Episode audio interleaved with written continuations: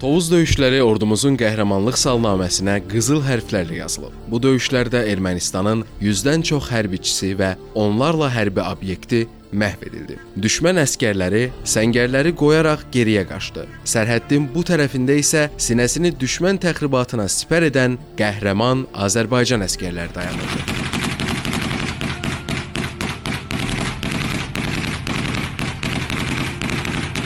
Düşmən yaxşı bilirdi ki, istənilən təxribatın qarşısı Azərbaycan ordusu tərəfindən yüksək səviyyədə alınacaq. Bəs bu təxribata əl atmaqda məqsəd nədən ibarət idi? Qarabağ müharibəsi veteranı, Tovuzun millət vəkili Arzu Nağıyev Asan radioya bildirdi ki, Ermənistan sərhəddə təxribat törədərək əks atəşdən sonra kollektiv təhlükəsizlik müqaviləsi təşkilatının üzvü olduğunu bir daha göstərmək, ərazilərinə dislokasiya edilmiş Rusiya hərbi kontingentini ayağa qaldıraraq ölkəmizə qarşı daha ciddi hərbi əməliyyatlar həyata keçirmək istəyirdilər. Lakin bu həvəs baş tutmadı. Çünki kollektiv təhlükəsizlik müqaviləsi təşkilatının üzvləri də bilir ki, bu təxribatdır, Rusiyanın özü də bilirdi bu təxribatdır. İkinci məsələ məhz Qaraqaya və digər yüksəklikləri ələ keçirməklə həmin hündürlüklərdən məhz Tovuz ərazisindən keçən kəmərlərə nəzarət etmək, bildiyiniz kimi oradan həm qaz, həm e, neft kəməri keçir. Məhz buna nəzarəti ələ almaq, bundan başqa e, nəqliyyatın intensiv ərazisidir, Gürcüstana gedən yoldur. Bunun hamısına nəzarəti ələ keçirmək. Lakin bu da baş tutmadı.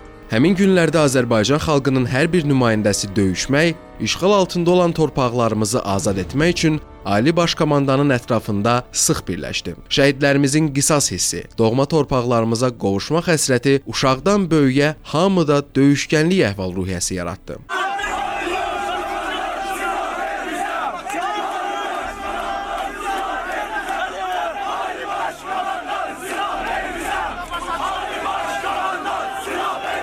Möhtəşəm Tovuz qələbəmizi əsaslandıran amillər var. Birinci şərt ondan ibarətdir ki, artıq özümüzün ciddi kadr potensialımız vardı, yaxşı silahlarımız var idi və ən mühüm amillərdən də biri məhz Tovuz cəmaatının 88-ci ildən başlayaraq təxribata məruz qalmasına baxmayaraq bir addım belə geri çəkilmədiklərini göstərirdi. Əsas məqam da ondan ibarətdir ki, nəyin bahasına olur olsun qələbə əldə edilməlidir ki, çünki bu bir qorxu amili yaratmaq istəyirdilər ki, cəmaat evlərini, işlərini, sahibi olduğu məkanı tək tərk etsin.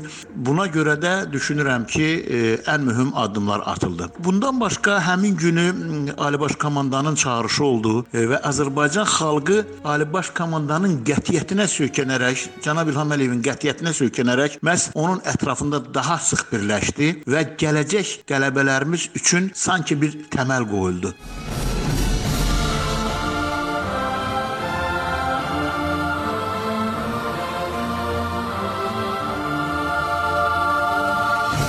Bütün dünya, o cümlədən düşmən gördü ki, Azərbaycan ordusunun yüksək rütbəli zabitləri ön cəbhədə əskərləri ilə birgə çiyin-çiyinə xidmət aparır. Şəhidlərimiz general-mayor Polad Həşimov, polkovnik İlqar Mirzəyev, mayor Namiq Əhmədov, mayor Anar Novruzov, baş leytenant Rəşad Mahmudov, gizir İlqar Zeynalov, gizir Yaşar Babayev, baş çavuş Vüqar Sadıqov, çavuş Elçin Mustafazadə, çavuş Nazim İsmailov, baş əskər Elşad Məmmədov və əskər Xəyyam Daş Daşdəmirov böyük izdihamla son mənzilə yola salındı.